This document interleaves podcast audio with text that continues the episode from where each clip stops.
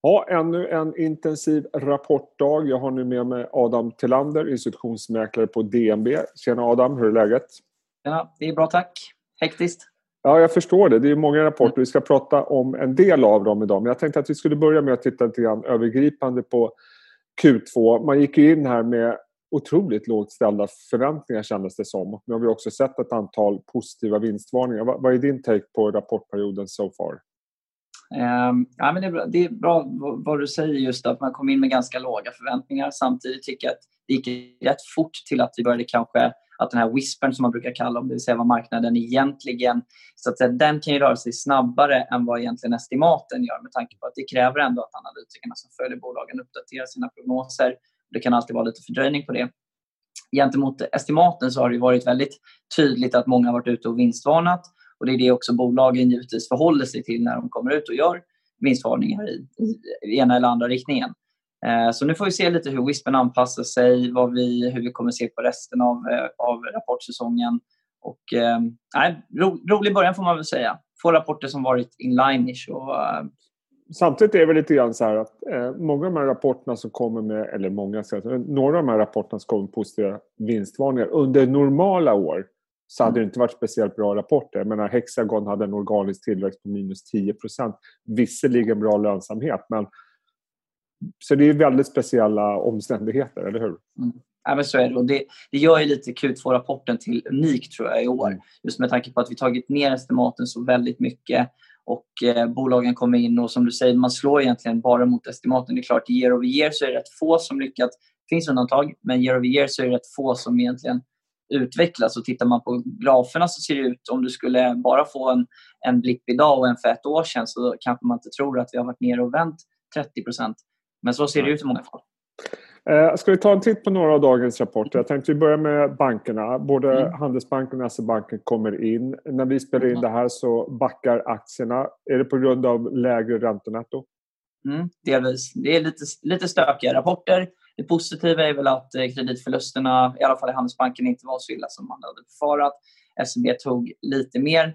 Eh, men jag tycker väl överlag att eh, rapporterna är okej. Okay. Jag tycker att nu faller de några procent, vilket jag tycker att det är kanske lite överdrivet. Jag hade tyckt att en positiv reaktion till och med var justified.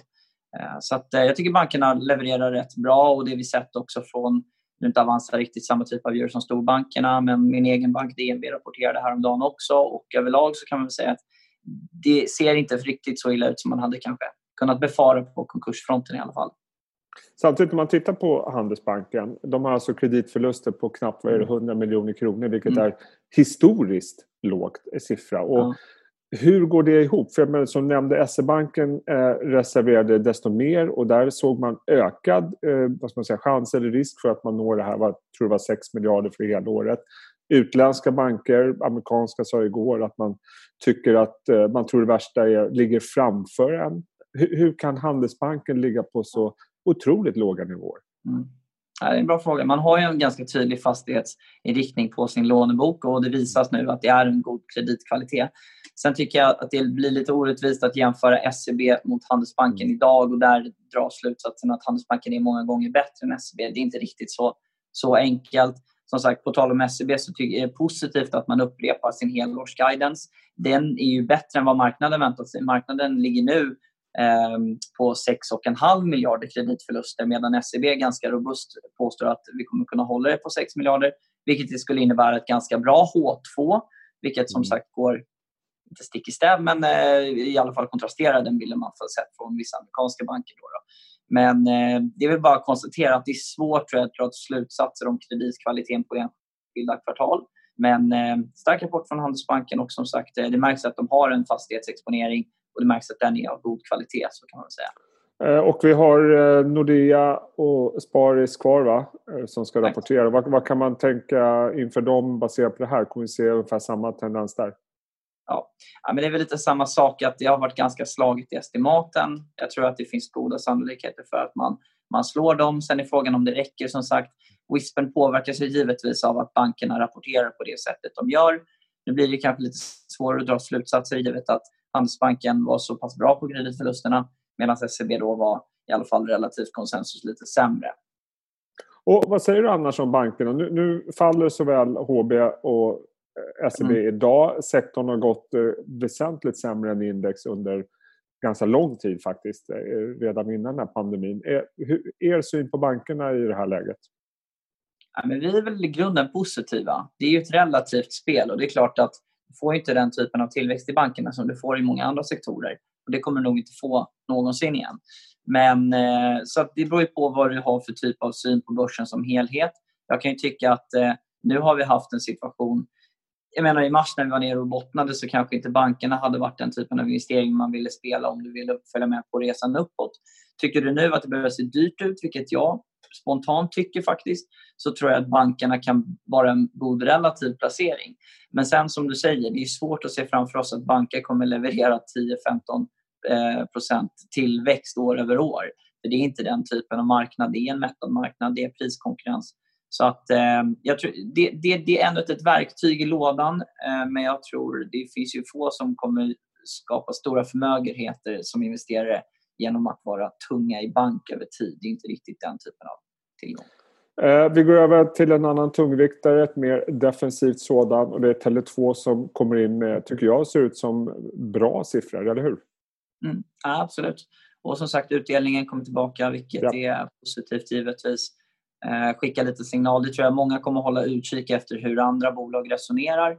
Eh, det kan man ju tillägga på bankerna också att eh, de pengar man satt undan för utdelningar har man inte fört tillbaka i sin Core Tier 1 eh, buffert eller vad det nu heter med rätt ord.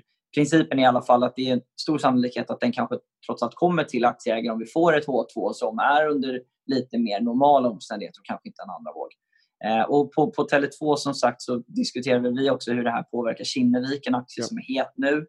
Eh, man får som sagt in den här eh, utdelningen igen vilket innebär att den finansiella aspekten de-riskas lite. Det som är i takt med att Kinnevik har blivit mer inriktat mot ett, eh, mot ett högriskbolag och inte prioriterat kassaflöden riktigt som är historiskt så har man varit beroende av att göra exits också från de här bolagen. Och det är klart att det här är ett, ett, ett, eh, ett tillskott som välkomnas och gör risken, den finansiella risken i alla fall i Kinnevik eh, lägre. Och då kan vi fokusera på de här spännande historierna som finns där. Digital hälsovård, eh, Mathem och liknande. Så att, eh, bra för Kinnevik skulle jag framförallt vilja lyfta fram. Och ändå är det liksom som du säger, extrautdelningen kommer tillbaka. Det kommer ytterligare besparingar. Man säger att eh, man räknar med tillväxt under 2021 om jag minns rätt från rapporten förutsättningarna för Tele2 ser ut att vara hyggligt goda även fast det är då kanske en sån defensiv placering och just nu kanske det har varit lite ratat senaste tiden. Men det kanske är läge för aktier, vad tror du? Ja, men absolut, det är, som sagt det är ju defensivt, det är en annan typ av eh, produkt än, än vad man tittar på när man tänker på verkstad eller teknikaktier som har haft ett väldigt bra 2020. Så jag tror att eh, man, får, man får tänka på det just som en del i en verktygslåda. Det finns, det finns perioder då man vill äga den här typen av aktier och helt enkelt allokera fram och tillbaka lite mellan dem. Eh, börsen har ju gått, jag, tittade lite snabbt på hur P talet på börserna som helhet har gått och det har ju varit en oerhört stark rebound. Det kan man argumentera att det ska vara med tanke på att vinsterna ser ut att bottna ut 2020. Sen kommer vi ha vinsttillväxt 2021, 2022, 2023. Och därför ska vi ha högre multiplar nu om man vill vara med på den resan.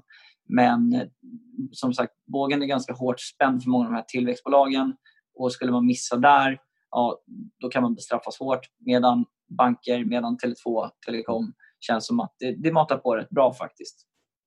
Och sen har vi Pandox, vad får man säga? Det är ett bolag som har varit i stormens öga under våren givetvis. Man kommer in med en mm. rapport också som Ja, det, det, är ju riktigt usla siffror får man väl ändå säga. Men utifrån förväntansbilden så var det kanske inte lika uselt. Och man säger dessutom att eh, återhämtningen, eller bolaget säger att återhämtningen har varit lite snabbare än vad man själv hade räknat med. Mm. Ja, det är en tuff, tuff situation för Pandox. Jag tror vi pratade om, om dem senast mm. också. Det är svårt att inte nämna det när man pratar om de bolag som verkligen drabbats av eh, covid-19. Och, eh, det, är, det är en stor osäkerhet givetvis. Det har handlat mycket om att säkra balansräkning, finansieringsrisker. Nu känns det som att det börjar lägga sig. Mm. De rapporterar att fler hotell börjat öppna upp. Det trendar i rätt riktning. Så att det är klart, här har vi ett ganska egentligen perfekt, tycker jag, coronaspel. Blir det en andra våg eller inte? Den tycker jag blir mindre och mindre. Den är fortfarande mm. relevant för verkstadsbolagen men den blir mindre relevant än vad det var med den första vågen. och i takt med att faktiskt bolagen sätter upp struktur för att hantera en sån situation. Men här är det svårt. Har du inga gäster som kan flyga in till ditt land, då är det väldigt svårt att sälja hotellrum. Men förutsatt att eh, man har liksom ändå nu någon form av bas eller fundament för att kunna eh, se, se bra ut om det inte blir en sån här lockdown och andra våg och så vidare. Utan om vi sakta men säkert kommer tillbaka till normalitet. För aktien har ju fallit väldigt mycket i år givetvis. Ja, ja. ja men så är det. Och sen är frågan om det är där som sagt, den här branschen, frågan är nu vad händer liksom strukturellt? Hur mm. kommer eh, turistandet se ut 2021? Det är väldigt svårt att, det är svårt att spekulera i, tycker jag. Eh, det finns eh, mer lättanalyserade datapunkter där ute om man tittar på techbolag eller om man tittar på verkstad där du kan se en rebound.